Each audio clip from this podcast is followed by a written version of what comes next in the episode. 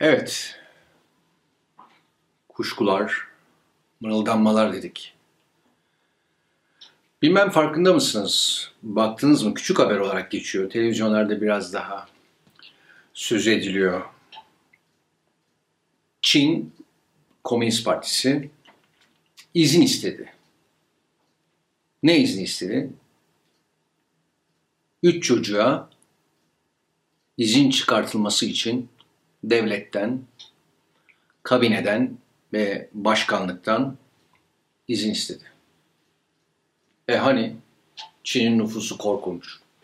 Dünya için büyük tehlike. Hani neredeyse yer kürenin Çin ve Hindistan'a dönük olan tarafı birdenbire içine çökecekmiş gibi öyle tarif ediyorlar ya. O kadar büyük bir nüfus var orada. Ve Çin Komünist Partisi üçüncü çocuğu da yapın diyor genç çiftlere.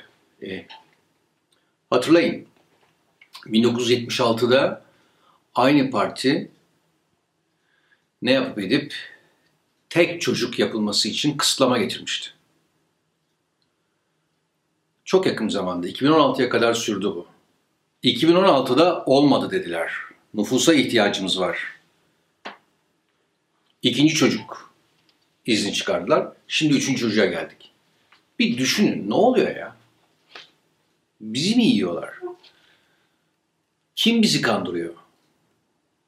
Mesela Batı merkezli füturologlar yani gelecek bilimciler mi kandırıyor bizi? Ya da Batı'nın strateji şirketleri, vakıfları mı kandırıyor bizi diyorlar ya. Nükleer bombadan bile daha beter bir bombadır. Nüfus bombası, nüfus patlaması. Ya da Çin'i nasıl besleyeceğiz sorusu var. Ninelerimizden küçük çocuklara, ilkokullardaki öğretmenlere kadar yayılmış bir soru bu. Peki üçüncü çocukla ne olacak? Çin'in nüfusu 1 milyar 400 milyon. Çok yakın bir zamanda bu daha da artacak. Dünya nüfusu 2 sene sonra 8 milyar olacak. Böyle. Ben artık bunlardan kuşkulanmaya başladım. Birileri bizi aldatıyor gibi geliyor bana. Ya da tezlerde bir problem var. Yani nüfusu korkunç bir şey, nüfus artışını korkunç bir şey gibi gösteriyorlar. Büyük tehdit odakları yaratıyorlar Çin gibi, Hindistan gibi. Ve bizi bir biçimde bir yöne doğru sürüklüyorlar. Eğer böyleyse sormak lazım. Hedefleri ne? Bir gün bir savaş, bir viral yani bir virüs yoluyla yani biyolojik bir savaş yoluyla ya da hiç ortalıkta savaş gözükmezken bir virüs yaymayla nüfusun büyük bölümü ortadan kaldırıldığında, geniş kitleler yok edildiğinde geriye kalanlar şöyle mi diyecekler? Oh rahatladık. Kıyamet ertelendi. Artık o korkunç ve ürkütücü Çin yok. Hindistan'ın yarısı gitti. O korkunç yoksul Afrika. Çok kötü, çok acı ama rahatladık be ya. İnsanlık varlığını sürdürecek. Yeryüzü daha müreffeh olacak. Böyle mi diyeceğiz? Bu rahatlama duygusu için mi bütün bu şamata? İnsan ister istemez kuşku duyuyor. Şimdi düşünün. Bir 4 milyar nüfusu oldu. Resmi olarak böyle kabul edilen bir ülke. Hadi artık üçüncü çocuğu yapın diyor. Üstelik aynı ülkede bomboş yeni kurulmuş şehirler olduğu iddia ediliyor. Bunun videoları var. Uydu görüntülerle de ispatlandı. Resmi Çin kaynakları da az çok bunu kabul ediyor. Yani yepyeni insanları bekleyen binalar, siteler, uydu şehirler yapılıyor.